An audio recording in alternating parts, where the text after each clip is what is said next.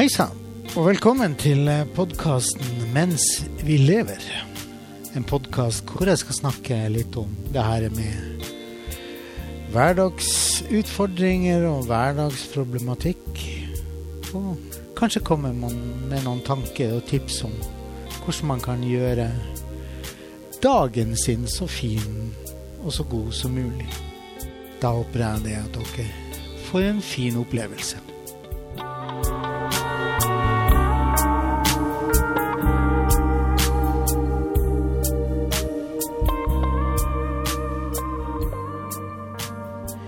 Da har jeg den glede å ønske dere velkommen til en ny episode i podkasten 'Mens vi lever'. I dag så er jeg så heldig å ha besøk av en utrolig spennende kar. Han er opprinnelig i, fra Sarpsborg i da, tidligere Østfold. Han er 58 år. Men i 1982 så gjorde han jaggu rogalending av seg. Han er forfatter, fotograf, foredragsholder og rådgiver. I tillegg til det så, altså, Han har jo da gitt ut to bøker. En diktsamling som ble utgitt i 2014, som heter 'Det handler om å leve'. Og boka 'Yes, I Go For It', eh, som kom ut i 2016. Om boka 'Yes, I Go For It' så sier eh, gjesten med ett åpnes der dører som forandrer livskursen vår. Både på den ene og den andre måten. Livet er spennende, men tidvis så kan det være litt for spennende. Og videre så sier han om diktsamlinga si han ønsker at det handler om å leve, som diktsamlinga heter, skal være en bidragsyter i det her med å dele med dere lesere små doser av tro, håp og kjærlighet, både til hverdags og til fest. Dagfinn Torp, velkommen skal du være til meg her i studio. Hjertelig, hjertelig, hjertelig takk. For en, tusen takk for en nydelig intro eh, om, om sarpingen som gjorde, som gjorde rogalending av seg. Det er litt av et hopp, det. Ja, at jeg skulle bli rogalending av meg, det falt meg ikke en tanke et sekund da jeg vokste opp. Nei. Eh, jeg visste knapt at det fantes en plass på kartet som heter Rogaland.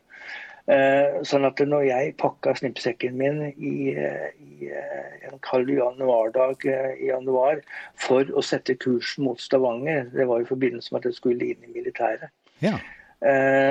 så, så, så hadde jeg Akkurat da så jobba jeg på, på Sjarsborg, kjent for å ha cellulosefabrikken ja, ja. Borregaard. Ja, Borregaard, ja. Og der jobba jeg. Eh, og jeg husker jeg sa til sjefen min at nå setter jeg kursen mot militæret. Og du, og du hører fra meg. Eh, for jeg hadde liksom ett, jeg hadde, jeg hadde ett mål for øye. Reis inn til Stavanger. Eh, forsøk å dim, dim fortest mulig, og sette deg på første tog tilbake igjen. Akkurat. Og jeg, jeg pleier å si det sånn at da jeg kom fram, så har ikke jeg hørt noen ting fra den sjefen. Og sjefen har heller ikke hørt noen ting fra meg.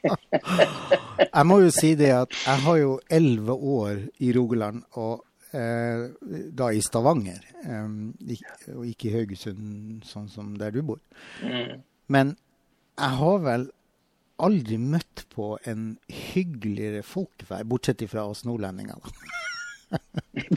ikke sant? Nei, altså det, Stavanger og, og Rogaland Jeg har reist veldig mye i Rogaland, og det, vært, det, det er et fantastisk folkeferd uansett hvor du havner. Om du er i Stavanger, eller om du er på Jæren, eller om du er. Ja, for alle, ja, for alle folka der, enten som du sier, enten de er fra Stavanger, eller de er fra Sandnes, Mm. eller de er fra Bryne, Klepp, eller du reiser sørover på Jæren, så er det noe eget. Og du kan si at hvis du hvis du på mange måter da, ser forskjeller og likheter mellom Sarpsborg og Fredrikstad på Østlandet, mm. så er det omtrent det to byer som Stavanger og Sandnes. Ja. For, for, for, hver og en skal være best. Mm. og så har hver og en en, sånn, en særegen måte å snakke på ja. og handle på og gjøre, og, gjøre, og gjøre, ting på. Helt klart. Men jeg har lyst å komme litt tilbake igjen til den diktsamlinga di i første omgang. Da vi snakka sammen første gangen, så, så, eh, be, så, bestilte jeg to bøker av deg. Jeg bestilte begge bøkene mm. fordi jeg hadde litt lyst til å lese de. Og um, det er to ganske Hva skal jeg si De, de, de er ganske Altså, du utleverer deg sjøl ganske mye, begge to. Mm. Og den diktsamlinga di, den må jeg bare si at jeg elsker. Den er Du har så mange fine dikt. Og vi har jo faktisk gjort et av diktene har Vi faktisk eh, Vi har et lite samarbeid på gang i forhold til eh, noen av diktene dine.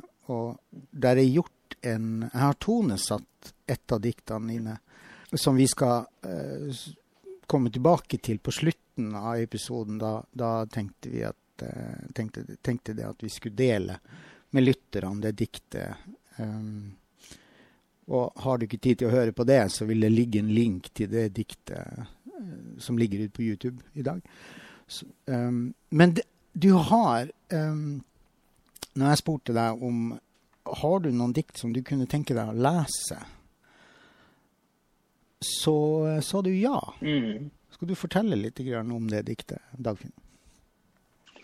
Jeg skal, jeg skal, lese et dikt som heter 'Forsiktig'. Mm. Men før jeg leser det diktet, to ord om selve boka og foranledningen. Ja. For at jeg har Jeg kan ikke huske hvor lenge, men over mange år så har det ligget en drøm inni meg om å skrive bok. Ja.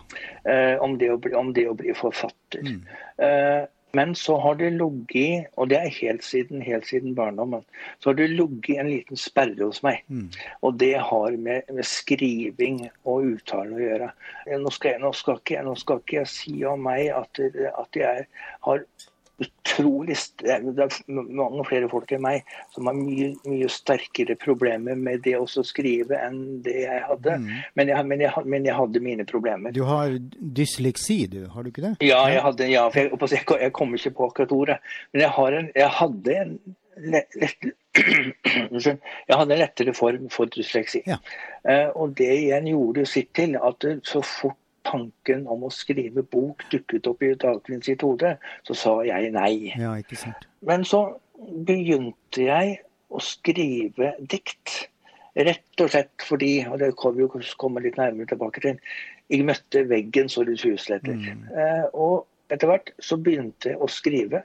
Jeg begynte å sette ord på ting, for jeg måtte få ut følelsene eller dritten, om du kaller det. Det skal vi definitivt komme tilbake til. Ja, og så, og så, når jeg da gjorde det, så la jeg en del av de dikta ut ja. på Facebook. Okay. Og jeg fikk jo masse tilbakemelding. Mm -hmm. Og da så fikk jeg da tilbakemelding fra flere om at vet du, Dagfinn, dette her må samles mellom to permer, og så må du gi dikta ut. Ja. Eh, og det er foranledningen til at jeg da satt slutt ga ut boka da, som heter 'Det handler om å leve'. For da hadde jeg, hatt så, da hadde jeg såpass mange dikt, og så, og så, og så var tilfeldigheter, kall det, hva du ville. Så en sommer så var det på mange måter to-tre ting som falt på plass. Mm. For da kom jeg i kontakt med folk som hadde gitt ut diktbøker. Ja. Jeg kommer, for, kommer, i kontakt med et forlag som var relativt billige. Ja. Og der du kunne bestemme sjøl hvor mange bøker du ville gi, ville gi ut. Oh, ja. Eh, det, det diktet som jeg har lyst til å dele sånn innledningsvis, det heter rett og slett 'Forsiktig'. Mm. Forsiktig nærmer jeg meg. Alt er så annerledes. Det er så mye lys. Omgivelsene er fullspekket av omsorg. En uendelig kjærlighet møter meg. Så mye at jeg tidvis blir blenda. Har aldri opplevd en slik kjærlighet før. Aldri opplevd å bli elsket på den måten. Skjønner ikke helt, jeg Gud, at det er mulig. at du elsker meg slik. Du vet om alle skuffelsene, der alle ord ligger, men òg tausheten, sinne etc. Ja, du vet hvor alt er. Allikevel elsker du meg. Du har din fulle rett til å dømme. Jeg nekter meg adgang, men jeg kommer. Kommer på grunn av nagler i to håndflater. Inn i din nærhet, Gud. Vakkert. Og når jeg skrev det diktet, det, si, og i hvilken foranledning, det, det, det, tar jeg ikke igjen. Men, men, det var noe jeg merka meg da jeg skrev alle dikt. Mm. Som både handler om det menneskelige aspektet, og som handler om det, og som handler også om det åndelige aspektet. Så var det at det, det var en suveren måte mm. å skrive seg gjennom noe vondt og noe vanskelig noe. Jeg husker at jeg satt jo Jeg, var, jeg kunne sitte til alle døgnets sider. Mm. Midt på dagen. Eller jeg kunne våkne på natta eh, og, og, ikke handle så godt. Mm. Og så setter jeg meg ned og så skriver jeg ned. Og vet at innimellom så var jeg jo innimellom så ble jeg eh, sånn, sånn slått av undring. Kjære vakre venner, hvor kommer alt dette fra? Du hører jo fra enkelte artister. Ja, ja. De, de, de, plutselig så er det en melodi som mm. Så kommer den i hodet, og så må de bare sette seg til keyboardet sitt. Kjenner til den. Ja, så må de bare begynne å jobbe. Mm. Og sånn var det mine dikt. Sånn at, sånn at noen dikt mm. så kom det kom som regel en to-tre ord ja. dalende ned i hodet mitt. Og, og, hvis jeg da satte meg ned med en gang, og jeg starta på de orda mm. Sånn. Så, så, var omtrent diktet ferdig. Ja, det var, det var, omtrent der og da. Og andre dikt igjen, selvfølgelig. Der, der, der, der tok det jo litt lengre tid. Ja. Men det var helt, det var helt, helt forunderlig. Ja. Det kom jo frem av ganske mange av diktene dine, og du snakker om det i den andre boka 'Yes, I Go For It'. Um, du har jo et, et, personlig forhold til Gud. Uh, du definerer deg vel som kristen. Stemmer ikke det? Mm-hmm. Ja. ja.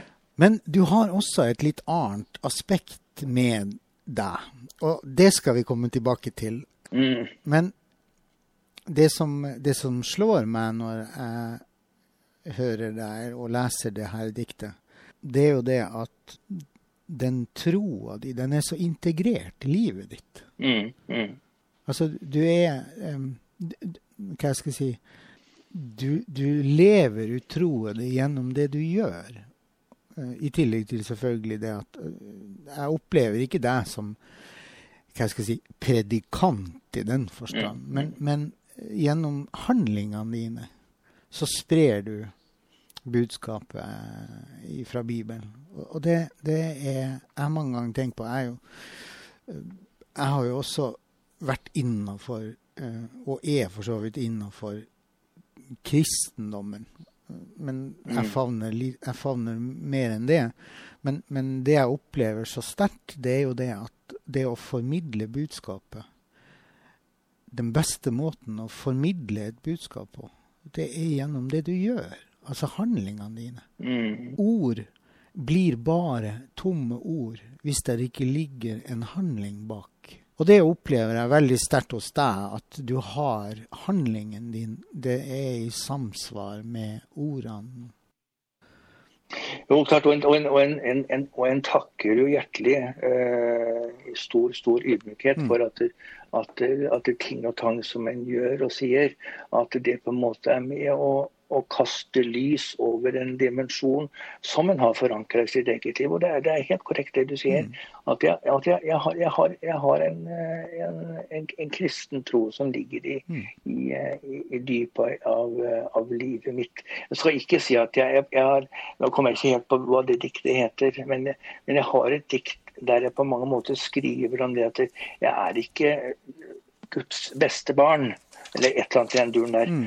Fordi, at det, fordi at det, er mange liksom, som kanskje har en sånn liten oppfatning av ok, at er du troende, så er du innenfor den, den firkanten mm. der.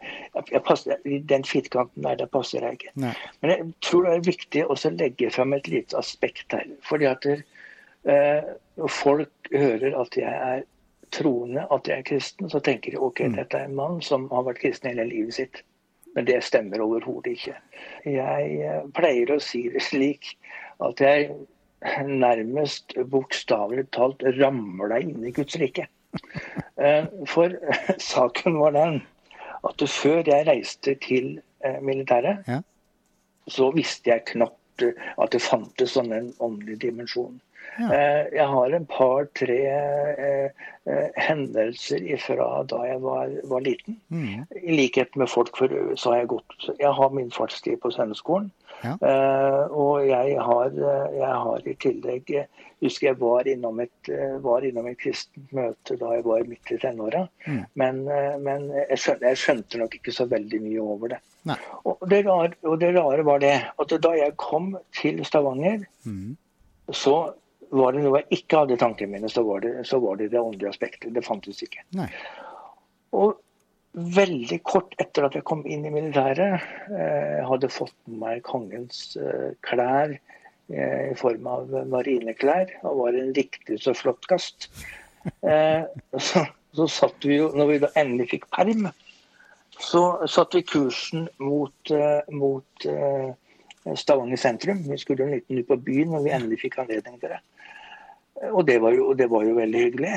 Og, og eh, nå, skal ikke, nå, skal ikke, nå skal jeg ikke gå inn i alle, alle detaljer. Det. Men det førte jo, det førte jo til det at jeg, at jeg, at jeg, fant, eh, at jeg fant kjærligheten. Mm. Men saken var den at de folka som jeg da kom i kontakt med, Ja. av alle ting, så var jo de kristne. Ja. Og etter hvert så, da, så ble jeg på en måte jeg ble fortalt det, og at jeg ble med på det. Sånn at det, uten at jeg egentlig var klar over det, Mm. så glei jeg på mange måter sakte og sikkert inn i den dimensjonen. Og, og den, har, den har eh, vært med og, og, og prega meg mm. i, gjennom, gjennom alle mine år. Vi skal, vi, skal, vi skal komme tilbake igjen litt grann til, eh, til det du snakker om. Men jeg har lyst til å Jeg vet at du har en I boka di, 'Yes, I Go For It', så har du en historie som handler om en togreise. Kunne du tenke deg å, å dele den der historien med deg? For den omhandler litt det her med, med å være et medmenneske og nestekjærlighet. Det handler om det i praksis. Jeg antar du tenker på en historie som heter 'Togreise og hveteboller'. Ja. Sannsynlig. Og bare sånn liten, liten eh, kommentar. Den, den, den ligger i da, Jeg tror du nevnte andre boka mi. Eh, den, ligger i den, den ligger i den første boka mi. Ja. Eh, handler om en veldig spesiell togreise. I eh, den perioden så bodde jeg på, eh, på Moi et par- par-tre år. Ja. Og så var det en på vei hjem fra, fra jobb, og ferdig på jobben for dagen, og jeg var sulten. Og jeg, Mm. jeg skal jo si det slik da, at jeg, gjennom alle mine år så er det et par-tre ting som jeg elsker overalt på jord. Det har vært, og det har vært skoleboller. Og det har vært boller med rosiner. Ja. Kjære lyttere, hør. Det må være med rosiner. Ja. Det må. Ja, det er jeg enig med deg. Og så, ja, og, og generelt litt sånn ka- kake, kake, kakebakst. Ja. Og den aktuelle dagen så var jeg veldig sulten. Så tenkte jeg en liten, liten, liten mat da tenkte jeg før at jeg reiser hjem og skal lage meg en middag hjemme. Ja. Så kjøper jeg meg en pose boller, Mm. og så kjøper jeg meg en flaske brus. Og så setter jeg meg på toget, og så reiser jeg hjemover. Og etterkant så blir altså historien togreise og hveteboller til. Jeg leser. Jeg var nettopp ferdig på jobb. Da var det bare å kle seg om, for så å ta buss og tog for å komme seg hjem. Var sulten, og i all den tid togreisen tok sin tid, kjøpte jeg meg en pose boller samt litt å drikke.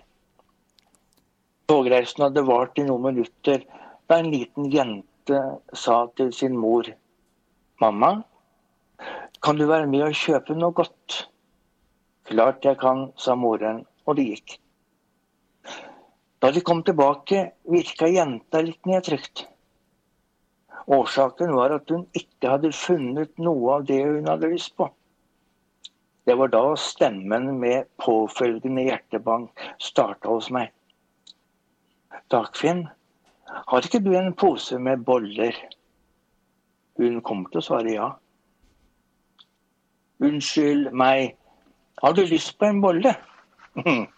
Jenta så på sin mor. Jeg kunne høre hun hviske. Mamma, kan jeg? Ikke bare fikk jenta en bolle. Det ble en hyggelig samtale med både mor og datter. Da jeg nærmet meg mitt bosted, kom stemmen enda en gang til. Dagfinn, du har mange boller igjen. Men hva har du i kjøleskapet? Jo, masse mat. Gi bolleposen til jenta nå. Moren ble ganske forfjamset da jeg gav posen, men takket hjertelig. Jenta smilte litt sånn forsiktig mens hun satte seg godt til rette og spiste bollene som lå i posen. Da jeg gikk av toget, kom stemmen på nytt. Forstår du hvorfor du skulle gjøre dette? Før jeg rakk å svare, svarte stemmen for å vise min godhet i praktisk handling. La meg få avslutte med et ord fra Hebrebrevet 11,2. Glem ikke å være gjestfrie, for på den måten har noen, uten selv å vite det, hatt engler som gjester. Det ble noe forunderlig over det hele når man i en enkel hverdagshendelse får oppleve Gud så nær. Ja, ja det er en eh, Det er hverdagsomsorg og hverdagsnestekjærlighet i praksis, det der. Ja, og det tror vi faktisk trenger. Eh, og, mm. og nå, er det jo gått, nå er det jo gått veldig mange år siden den hendelsen der. Og enten du tenker rent menneskelig, eller du tenker den, den, også den, og putter den åndelige dimensjonen inn i det hele, mm. så er det vel det har vel aldri vært så stort behov for å vise omsorg, for å strekke ut en hånd, mm. som nettopp i 2021. Ja. For at sant, vi, vi, lever, vi, lever, altså med en, med en pandemi over oss, mm. hvor, vi, eh, hvor, vi, får beskjed om å holde meteren, gjerne to meter. Mm. Eh, vi får ikke lov til å, å, å klemme gode venner osv. Så, så klart, det er, et, det er et stort, stort savn mm. etter å kunne få vise og bli vist kjærlighet. For, for, for, både du, Gunnar, og jeg vet jo det, og i likhet med, i likhet med samfunnet ellers, at er det, har, at er det noe vi mennesker har behov for, så er det jo nettopp at noen bryr seg om oss. Jeg pleier å si det til at hvis du, du, skal alt, du, skal alltid tenke sånn at i enhver situasjon så er det alltid noen som bryr seg om akkurat deg. Mm. Jeg tror det her er altså, det her er med å bli sett, bli hørt, bli forstått og bli elska eh, for den vi er. Det er noe av det mest fundamentale vi mennesker har behov for. Mm. Og i tillegg så har vi også eh, Vi begynner å bevege oss litt innover imot det her med hvem er vi sjøl? For det er også veldig viktig at vi skal tenke på eh, at jo fullere vårt eget glass er, jo mer har vi å bidra med til de andre rundt oss. Så egenkjærlighet og nestekjærlighet, mm. det går hånd i hånd. Og at, det er viktig at vi har en balanse mellom eh, de her to tingene. Mm. Og livet ditt har jo bestått av en del oppturer og nedturer som alle oss andre. Og du var så vidt inne på det i sted når du snakka mm. om det her med å skrive dikt, at det ble på en måte en sånn terapiform for deg. Kan ikke, du, kan ikke du dele noen tanker du har om viktigheten av det her med å være i kontakt med, med sine egne følelser? Jeg vet at du har et par ord om det. Nei, men jeg tror at det, hvis, du setter opp et, hvis du setter opp en skille imellom, eller forskjell, er det kanskje litt lettere å bruke ord på, en forskjell mellom, mellom damer og oss menn så tror jeg det at, at der, damene de er mye, mye flinkere til å, til å fortelle om mm. sine følelser. Eh, har de opplevd et eller annet som har gått de på tverke? Mm. har livet vært vondt mot de? Mm. Har de generelt opplevd et eller annet som har gjort, satt seg dypt inntrykk hos de sjøl? Så er veien ifra å bære på dette sjøl til det å springe til nærmeste venninne, eh, til å springe til nærmeste eh, hva er heter henne?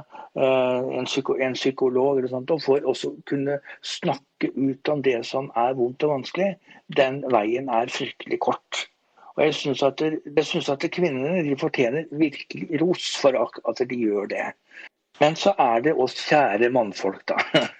Vi ser, uansett, uansett hva slags alder vi befinner oss i. For for oss er det å ifra vi opplever noe, til det at vi skal gå og snakke med noen, få tømt oss ut, den veien kan være fryktelig lang. Mm. Fordi vi, eh, vi, tenker, og det husker jeg at jeg skrev på en liten, en liten kommentar til deg, vi er, så, vi er, så, opptatt av det at ok, skal vi komme oss gjennom sorgen, skal vi komme oss gjennom det som er vanskelig, noe av det første vi bør gjøre Nå, nå tar jeg selvfølgelig ikke alle menn under én kam, for all del. Men da må vi mest sannsynlig finne fram vår syvende sans, og så må vi fullstappe den med oppgaver. Sånn at vi på mange måter jobber oss igjennom sorgen med praktiske oppgaver. Og for all del, for en del personer så stemmer det. Har, jeg har jo hørt psykologer, og det er ganske sikkert også du har hørt, mm. eller, eller, andre profesjonelle som forteller om det at ok, hvis du mm. kjører deg fast i livet, ikke kutt ut jobben, ikke kutt ut fritidsaktiviteter, men vær med på det. Sånn at du på mange måter har noen å være sammen med. Ja, for noen greier de det. Men for, men, for, men for, andre igjen så holder det ikke å bare jobbe seg gjennom mer praktiske ting. Du er nødt til å så Hadde jeg hatt en ballong her nå, og en liten nål, så vet vi med oss sjøl at hvis jeg, hvis jeg, blåser mer og mer luft inn i ballongen, til slutt så blir den ballongen sprekkfull. Og hva skjer? La, la, oss si at nå ser vi for oss at den ballongen, det er alle små og store traumer. Og så blir den ballongen den blir fullere og fullere. Og sånn blir også hjertet vårt og sjelen vår. For at det, det, Man blir så fullspekket av det som er vanskelig. Hva skjer når den, den, den, den ballongen er på bristepunktet? Jo, da er den på bristepunktet. Og hvis du fyller opp i bitte, bitte litt til luft, så sier det pang.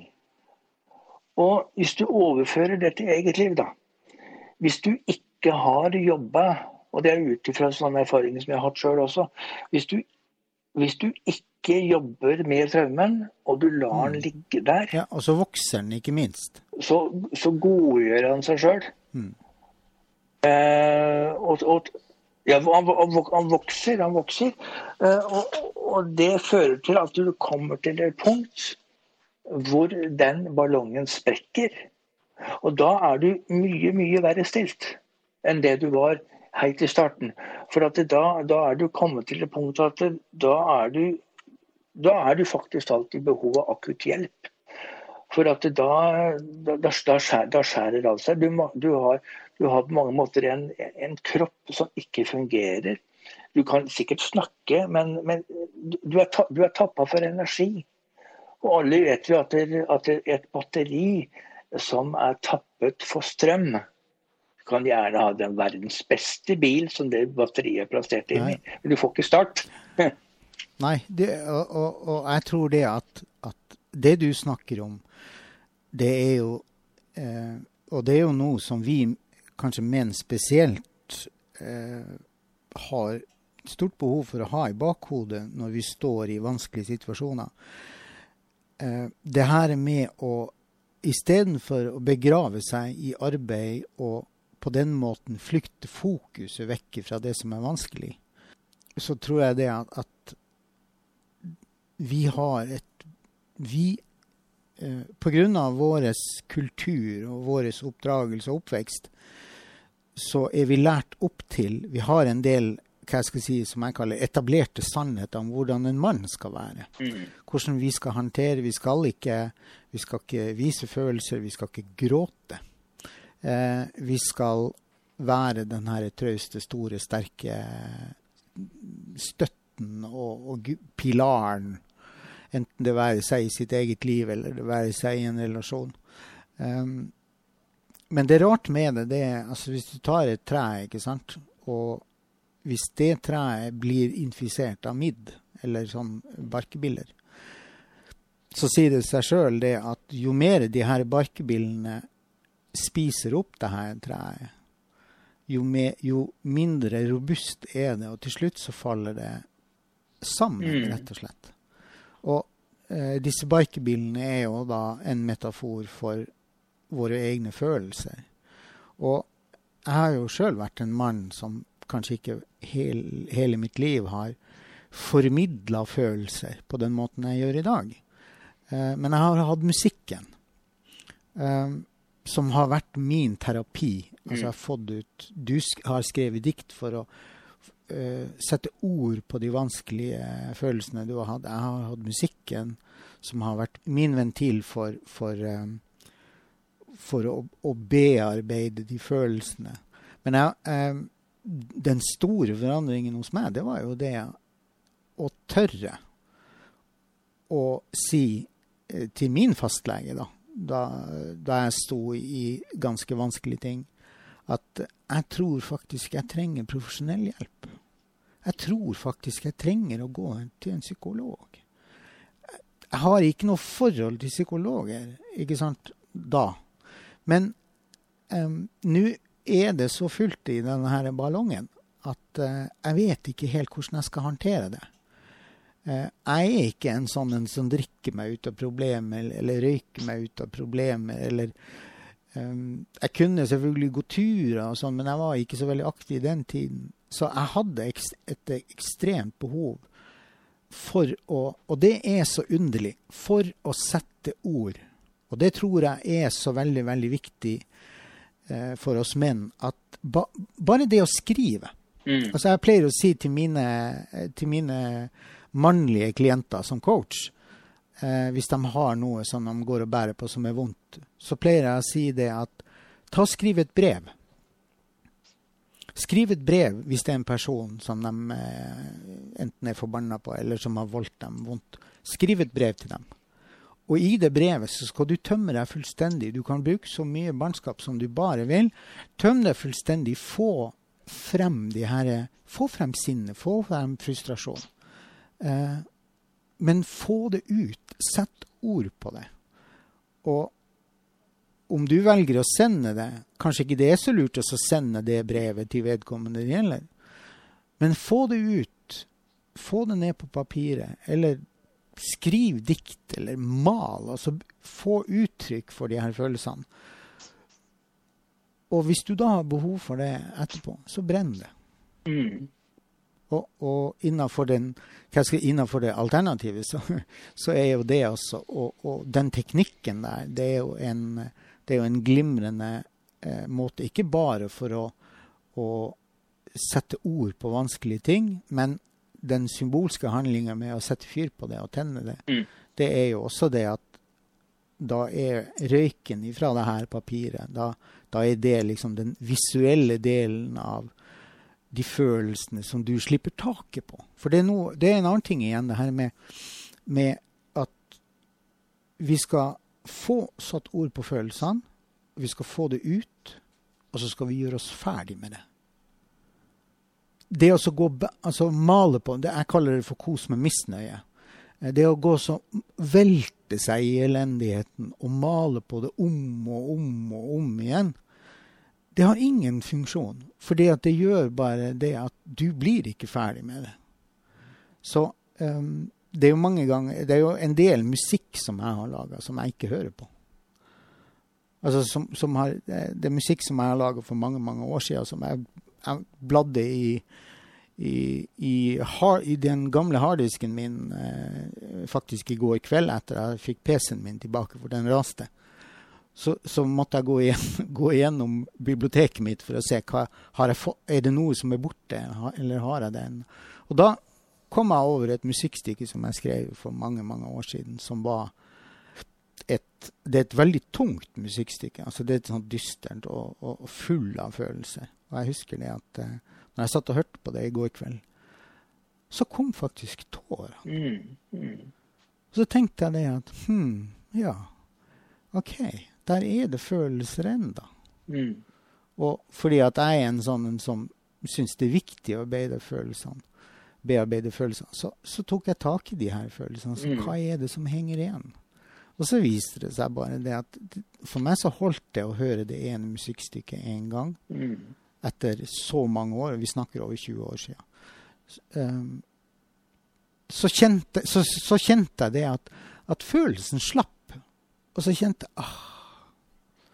Nå vet jeg jo det at, at mange menn eh, Altså, for, for, å, for, å, få det her til, så er det, det er tre ting som gjelder for å, for å, å få det til.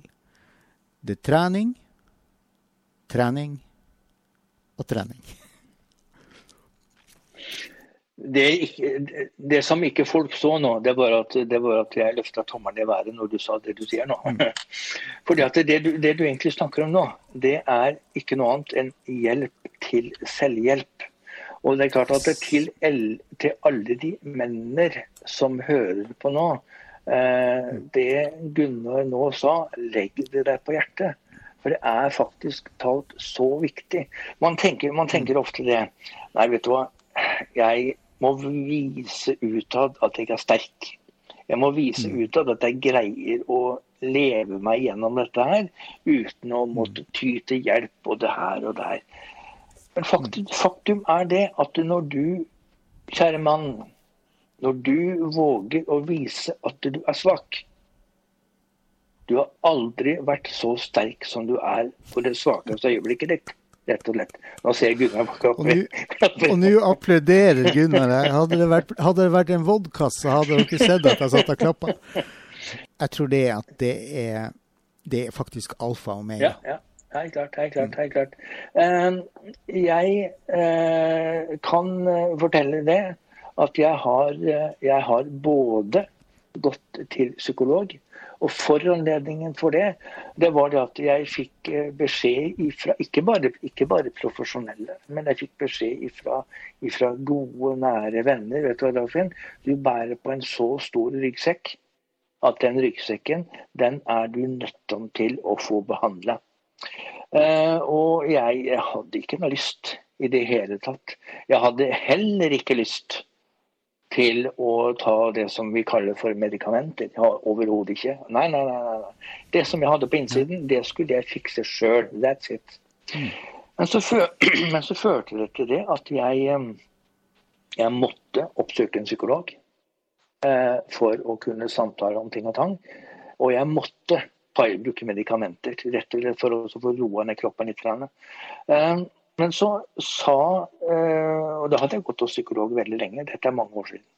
Eh, og da sa psykologen til meg det Bruk meg som søppelkasse. Ja. Ikke hiv søpla til kreti og pleti. For jeg er uh, det man kaller for et, for et følelsesmenneske. Mm.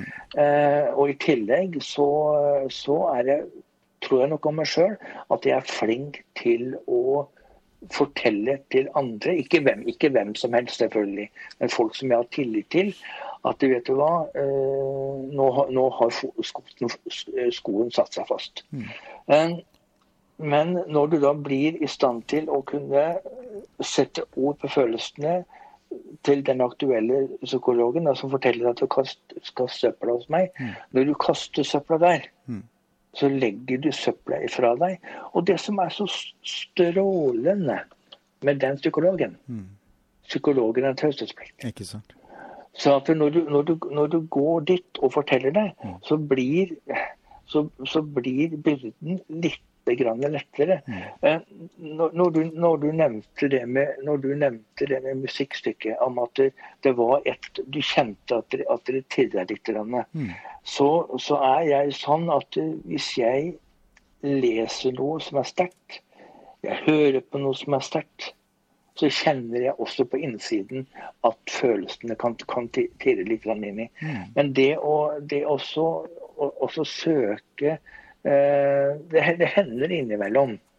Eh, at jeg, legger inn en kommentar. La oss si at det er folk på nettet som søker meg.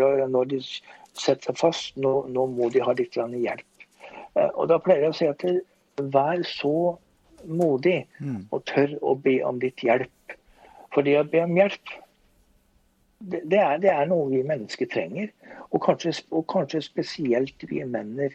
For vi, vi, har, vi, har en sånn, en, vi har en sånn liten vag tendens vi, til at eh, vet du, hva, det, dette her dette, dette, skal, dette skal vi fikse. Mm. Men så, men, så, men, så er, men så er det ikke så lett å få det til allikevel. Ja. Så det, så, som du nevner, dette med alfa og omega, at det er, det er, det er faktisk veldig viktig. Mm. Jeg, jeg var i kontakt med Jeg driver og lager en eh, Eller jeg driver og, og jobber med en liten sånn serie eh, på eh, podkasten her eh, om det her med menn og følelser, og hvordan menn håndterer å stå i vanskeligheter. Og da, I forbindelse med det så, så var jeg i kontakt med eh, krisesenteret her på Lillehammer. Um, og og, og snakka med, med noen på et sånt generelt grunnlag, da, og, og, og spurte liksom om hva eh, om, de har, om de merker en større pågang i den perioden, i den tiden vi lever i.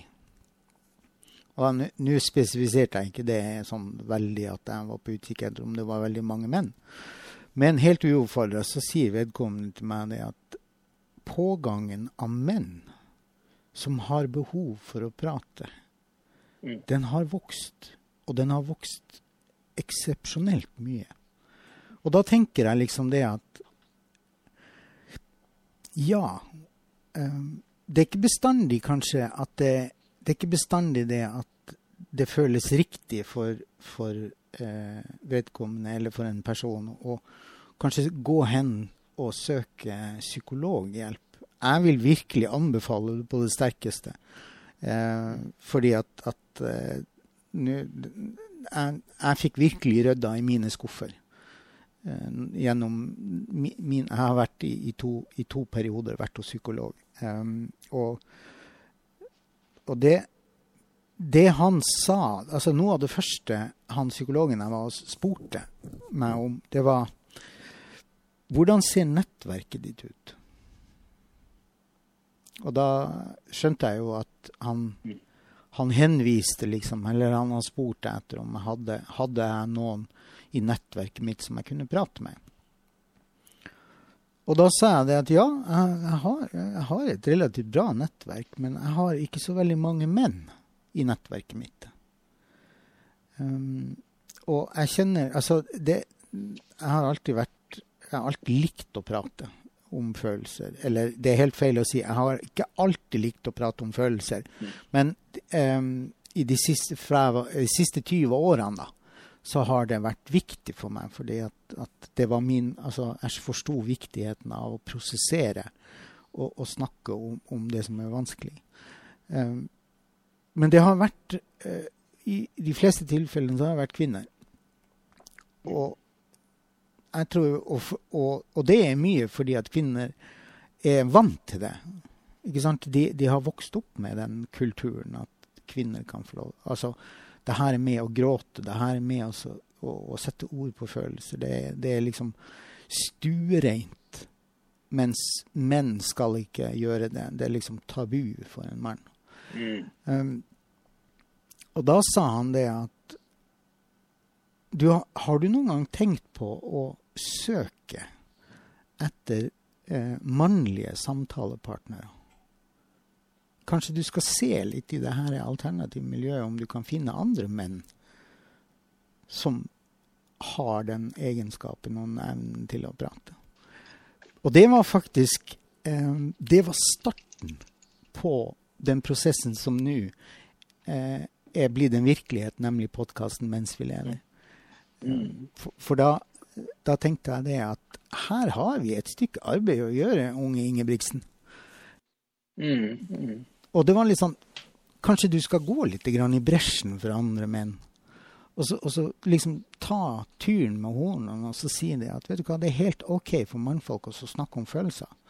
Det er mm. faktisk helt greit, og det er kun gevinst. Men man skal jo selvfølgelig man, man skal jo, man skal jo selvfølgelig møte jeg håper å si, et, en, en, en, annen mann som har den samme behovet og ønsket. Um, og det må jeg si det at um, etter at jeg begynte å, å legge fokus på, på, det her med at ja, det fins faktisk menn der ute som, som, liker, eller som, som gjør det. Mm. Så poppa den ene mannen etter den andre opp. Mm. Mm. Gjennom samtaler med andre menn så opplever jeg at det er en helt annen dimensjon i det her med å sette ord på følelser, og det her med å våge. Altså du, du, sier, du, sa det så veldig fint i stad, at det å vise at du er svak og sårbar, det er faktisk din største styrke. Det å gråte, det å tørre å slippe gråten, det er faktisk en av dine store styrker som menneske. Ikke som mann eller som kvinne, men som menneske. Fordi at når vi kommer til denne kloden, så er vi utstyrt med det samme følelsesregisteret, enten man er mann eller dame. Men, men kulturen og tradisjoner og sånn, det er med på å forme oss. I hvert fall for oss som har kommet over middagshøyden, så, så liksom en mann ikke sant? Vi, I hvert fall for min del. altså Jeg hadde en, jeg hadde en far som, som, var gallionsfigur i forhold til det. Han, han, han snakka ikke så mye om følelser. Han snakka overhodet ikke om følelser. Ikke før han ble veldig gammel. Um, og han sto alltid Altså, jeg tenkte det at du er den største helten i mitt liv, fordi at du står rock steady uansett hva det er for noe. Det, det jeg oppdaga etter hvert, det var jo det at han var jo som, han var jo som gåsa som fløyt på vannet. Mm. Kroppen var helt rolig, men herregud hvor fotene gikk. Han padla for bare livet, men var, han så ikke det, for det var en indre kamp hos han. Det var en indre prosess. Og ikke før han ble gammel og, og begynte å bli dement, så, så kom jo gråten. Og da skreik han jo for det minste. Da skrek han jo både av lykke og, og, og han, tok de tårene så, så, det peip etter. Og det, det, var liksom det der å oppleve at denne enorme rollefiguren som jeg har hatt gjennom hele livet mitt, faktisk torde å gråte. Det var en sånn revelation. Det var en åpenbaring for meg å se. Ja, når han kan, så kan jo jeg. Da er det ikke farlig lenger. Og så tror jeg at I forlengelsen av det du sier nå, hvis du tenker forholdet mor og datter, forholdet far og sønn, mm. så, har du også, så har du også et perspektiv der. Mm. For, at, for at, mor, og, mor og datter de har, de har, alltid holdt på kan du si, med de, med de myke, myke tinga. Mm. De har, de har snakka om enkle ting som som forelskelse, mm. som seksualliv. Mm. De har snakka om menstruasjonsproblemer, mm. snakka om det å ta seg en utdannelse. Mm. Og sånn typiske, litt sånn, litt sånn myke Nå plasserer jeg opp et termetegn her. Mm. Myke yrkesretninger. Mm. Mens mannen igjen, vi har også hatt sånn, sånn en, uh, forhold til våre fedre at vi har vi har kunnet snakke om alt mulig, men vi har ikke alltid våget å gå så veldig, veldig i dybden.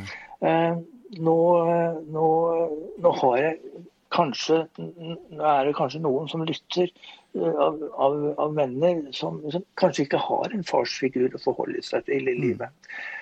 Det har ikke jeg, og det er derfor jeg sier det som jeg skal si nå. Mm. Fordi at Hvis du ikke har en farsfigur Jeg har sett min far bare noen få ganger i mitt liv. Mm. Eh, så har du en person som du gjerne skulle hatt der. Mm. Men du har den ikke. Ja. Og når du ikke har den farsfiguren her, okay, så må du på mange måter du må på mange måter bli en slags, slags tosidig figur i deg sjøl. For både må du bli den personen, den mannsfiguren som du er, den mannen du er, Mm. og så må du samtidig tenke etter ok, hvordan er det far eller pappa, som jeg liker å også, også, også bruke som, som ord, Mm. hvordan er det vedkommende ville gjort? Hvordan er det vedkommende ville sagt Mm. og si osv. Så, videre, og så, videre. så får du disse to tingene der inni ens kropp. Og så skal du både bli ditt barn, eller ditt eget barn, Mm. og så skal du, og så skal du, og så skal du bli far. Mm. Men så tror jeg nok at det, når, du, når du tenker det med generasjoner, du tenker det med tradisjoner Skrur vi tiden tilbake til min foreldregenerasjon, Mm. så var de mye mindre flinke, tror jeg, til å snakke om ting som skar seg. Mm. For at det skulle på en måte ma- Mange ting det skulle feies under teppet. Du ser det før, før i tiden. Hvis f.eks. Eh, mor fikk eh, Eller jenta eller dattera i huset eksempelvis fikk et barn utenfor ekteskapet. Det var jo verdens største synd. Mm. Eh, og hvis det var ting og tang som, som ikke var helt, helt sånn som det skulle være, så blei det, så ble det dyssa ned. rett og slett. Det blei det ble ikke snakket om det. Og i 2021 og så, så har, vi kom, har vi kommet inn i, et, inn i et samfunn. Du ser, det på, du ser det på nettet, du ser det i ulike TV-program, du ser det i ulike debatter, du ser det i, ser og hører det i ulike podkaster osv. At man våger å sette ord på livet. Ikke sånn du hadde håpet at det skulle bli, Mm. men sånn som det egentlig er. Jeg var på en, jeg var på en for en, var det vel fire, fire og et halvt år siden sirkus. Så var jeg på biltur i Norge. Ja. Og det å se hvordan landet vårt ser ut på plasser der jeg aldri, aldri, Mm. aldri har vært før, det var helt fantastisk. Ja. Og, du, og du nevner du, øh, du, du, du nevner litt sånn det med det, det med det alternative miljøet. Eh, Jeg ble litt kjent med det alternative miljøet sjøl Ja. for sånn rundt, rundt fem år siden. Mm. Og nå skal jeg ikke si at jeg kjenner så mange mennesker innenfor der, selv om, jeg, selv om, det, er noen jeg, det er noen jeg følger på Facebook. Mm. Men når jeg kom inn der, så møtte, så møtte jeg jo en helt annen verden som jeg sjøl eh, ikke kjente til før. Ikke. Jeg skal innrømme det at når jeg blei ønska velkommen til å være med, så var det en del pigger ute. For med en, med en kristen bakgrunn så tenkte jeg hvordan er det å komme inn der og være gjest der inne? Hvordan er det å være mann der inne? Hvordan er det å være menneske der inne?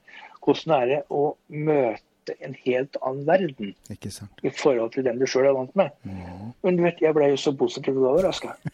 Eh, så jeg skal ikke si at jeg, jeg skal ikke si at jeg går god for alt som er der, det, det gjør jeg ikke. Men jeg møtte mennesker allikevel Mm. som ga meg eh, så utrolig mye positivitet. Mm. Og som på en måte fikk meg til å se ting på en helt, helt, på en helt, helt annen måte. Mm. Eh, og, det, er jo det at som menner så trenger vi av og til å kunne se virkeligheten på en litt annen måte. Vi trenger å ta utgangspunkt i vår egen virkelighet. Mm. Eh, for ved at du tar utgangspunkt i din egen virkelighet, så blir du kjent med hvordan du sjøl fungerer. Mm. Og når du på en måte begynner på den veien tilbake til at ok, nå kan jeg få satt ord på det, jeg kan få satt ord på det. Mm. Plutselig så er du på en liten norgesreise sjøl, hvor du får, se, du får se livet ditt i et litt annet lys. Og så opplever du ting og tang. Ja. OK, var det sånn det hang sammen? Ja. OK, det var faktisk ikke så vanskelig å sette ord på følelsene likevel. Nei. OK, når jeg fikk gjorde, gjorde det, så plutselig så kom jeg inn eh, i en slags dimensjon hvor jeg fikk, jeg fikk se livet mitt på en helt annen måte. Kan vi menner tenke? Dagfinn, nå bærer det mot slutten, og jeg tenker det at eh, skal vi avslutte hele, hele sendinga vår med, med å høre på eh, det diktet 'Det gode liv' som du har skrevet, så, så gir vi lytterne den eh, gaven. Eh, har du lyst til å si noe om eh, det diktet før vi, før vi hører det? Så Diktet, diktet har jo, diktet har jo tittelen det, gode- 'Det gode livet'. Og som jeg, og som jeg sier i det, i, det, i, i det første verset, visa veg til fargene der på himmelhvelvingen, de som igjen viser veg til en ny bostad. Eh, uansett hvordan livet ser ut, om det er i lyse dagene eller om, de, om det er i mørke dagene, eh, så, så finnes det alltid en usynlig regnbue. Det finnes alltid farger midt i verden som du er omgitt av. Skal vi takke for oss, og så eh, la lytterne få lov til å nyte det her fantastiske diktet som du leste et bitte, bitte lite utdrag fra? Og jeg sier hjertelig takk tilbake for at jeg fikk eh, være med. Det har vært en fornøyelse. Og med det så sier jeg som jeg alltid pleier å si på slutten, eh, masse lys og kjærlighet ifra oss, i og med at jeg har deg som gjest, til deg der ute som lytter. Ha en fin dag. Ha det godt, dere.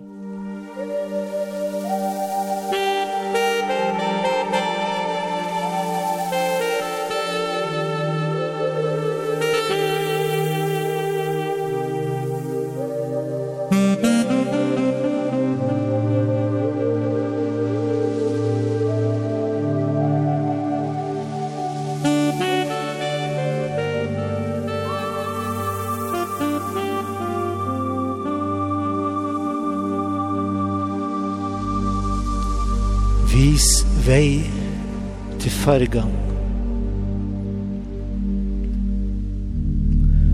Der på himmelhvelvinga.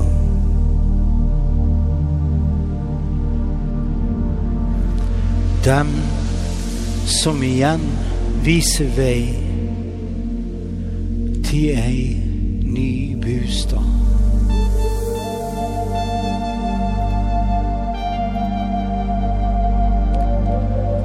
For å kunne lede må vi kunne lytte.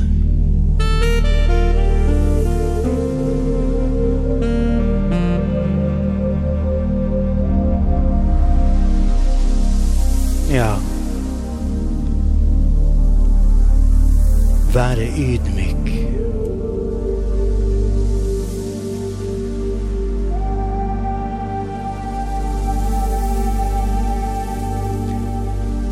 Kvinna sa, kom og se.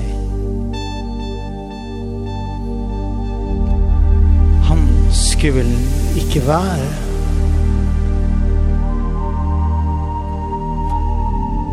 En undring fylte hjertet hennes. For godt til å være sant.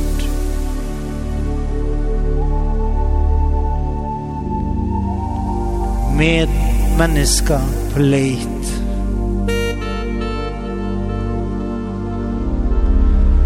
Rundt omkring ligger knekte fargestifter. Harde ord fra omverdenen.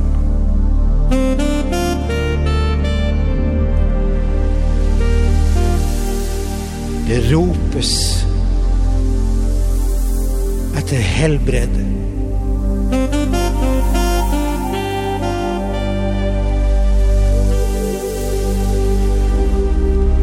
Noen hadde fasit på tru og liv.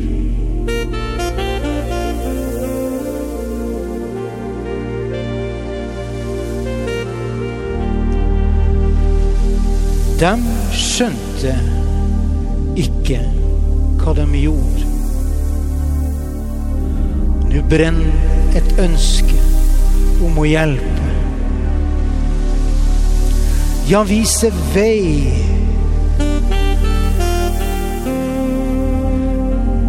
Til ei livsglede så stor.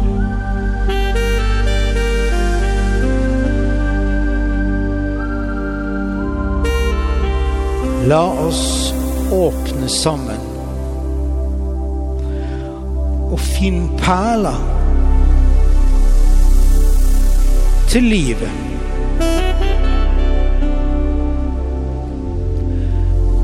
Det er kjærlighet og det gode ligger og venter.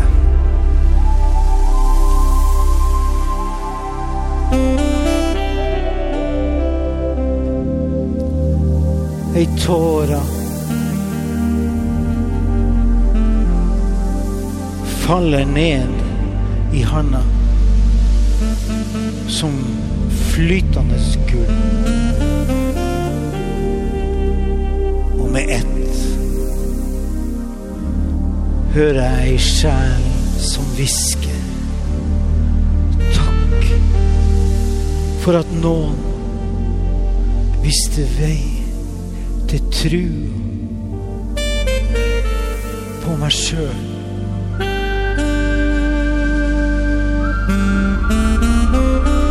Og han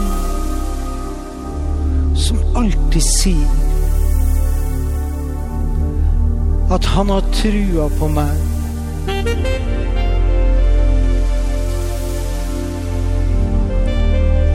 Jeg hadde ikke makta å finne frem sjøl.